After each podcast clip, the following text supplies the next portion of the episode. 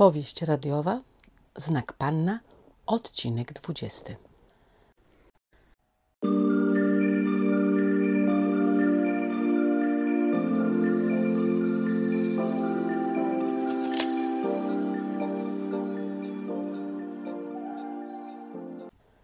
Zadzwonił następnego dnia, tak jak obiecał.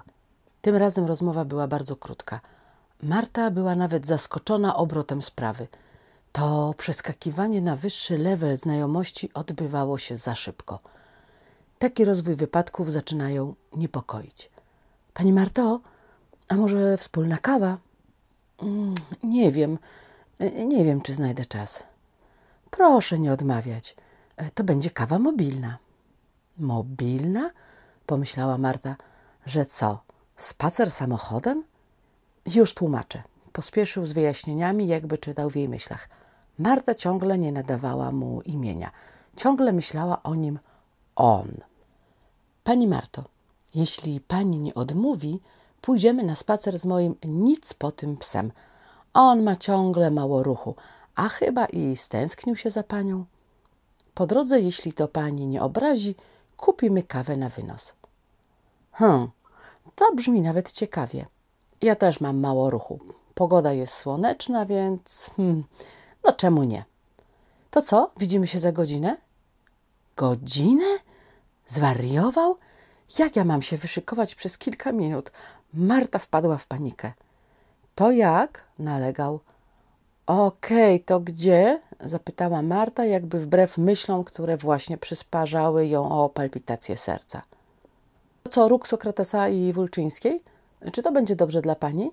Widać było, że to pytanie było barometrem. Sprawdzał, na ile jej zależy i mniej więcej próbował w ten sposób zlokalizować jej zamieszkanie. Ponieważ napotkał ciszę, wpadł w popłoch i zaczął się tłumaczyć. No tak pomyślałem, że to będzie dogodne, skoro była pani w tej galerii, to może gdzieś w pobliżu pani mieszka, e, bo ja przy Nerudy. Zdradzając tę lokalizację, próbował spowodować, by poczuła się bezpieczniej. Zadziałało. Dam radę, będę o 16.15 odparła rzeczowo i chłodno Marta. To do zobaczenia zdążył rzucić już tylko na zakończenie. Marta wpadła w popłoch. Jak trzeba ubrać się na spacer z kawą? Czy robić makijaż, czy nie? Co z włosami? Upiąć, rozpuścić? I oczywiście pytanie standard. Po co ja zgodziłam się na to szaleństwo? Wzięła głęboki oddech. Marta, uspokój się, instruowała samą siebie – to tylko spacer. Podejdź do tego z dystansem. Nalała sobie do szklanki zimnej wody i wypiła jednym haustem. To nieco ostudziło jej emocje. Z szafy wyciągnęła spodnie, cieplejszy golf i swoją ulubioną kurtkę wiosenną. Uwinęła się w dwadzieścia minut. Reszta czasu miała być na dotarcie na miejsce. Żeby nie dotrzeć tam z ziajaną, postanowiła jeden przystanek pokonać autobusem. Jeszcze tylko tuż do rzęs i już. Przerzuciła małą torebkę po berlińsku i mogła wychodzić. W tym czasie przyszedł SMS od Anki. Miała ochotę wpaść do niej na plotki. Marta znów wpadła w panikę. Co ja mam jej powiedzieć? Nie wpadaj? Przecież to od razu zwęszy, że coś się dzieje. Ale z drugiej strony chciała, aby ten spacer był jej tajemnicą. No, przynajmniej póki co. Odpisała więc: Dzisiaj jestem na basenie.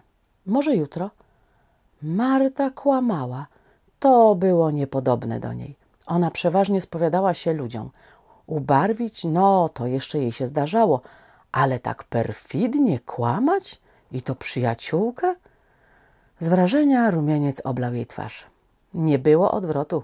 Zatrzasnęła drzwi, zbiegła po okrągłych schodach i już była na dworze. Na miejsce swojej randki przybyła pierwsza i przed czasem. A przynajmniej tak jej się wydawało – Miała więc chwilkę na pozbieranie myśli i posnucie różnych scenariuszy tego spaceru. On pojawił się punktualnie. Ubrany był elegancko, ale spacerowo. Na smyczy prowadził swojego czworonożnego przyjaciela. Marty uwadze nie umknęło, że smycz, obroża, jak i ubiór samego właściciela nie pochodzą z tanich sieciówek. Przygryzła wargę. No cóż, ona raczej markowa nie była. Podszedł do niej uśmiechnięty od ucha do ucha. Dziękuję, że pani przyszła. To co, w którym kierunku idziemy? Zdam się na pana. No dobrze, wyraził zgodę. To proponuję. Widać było, że miał wszystko zaplanowane. Nie było w jego głosie wahania. Wiedział, czego chce i co może zaproponować. To nieco ułatwiało sprawę, ale też budziło Marty niepokój. Ona nie zawsze była tak opanowana i zorganizowana. A on? Hmm, a on i owszem.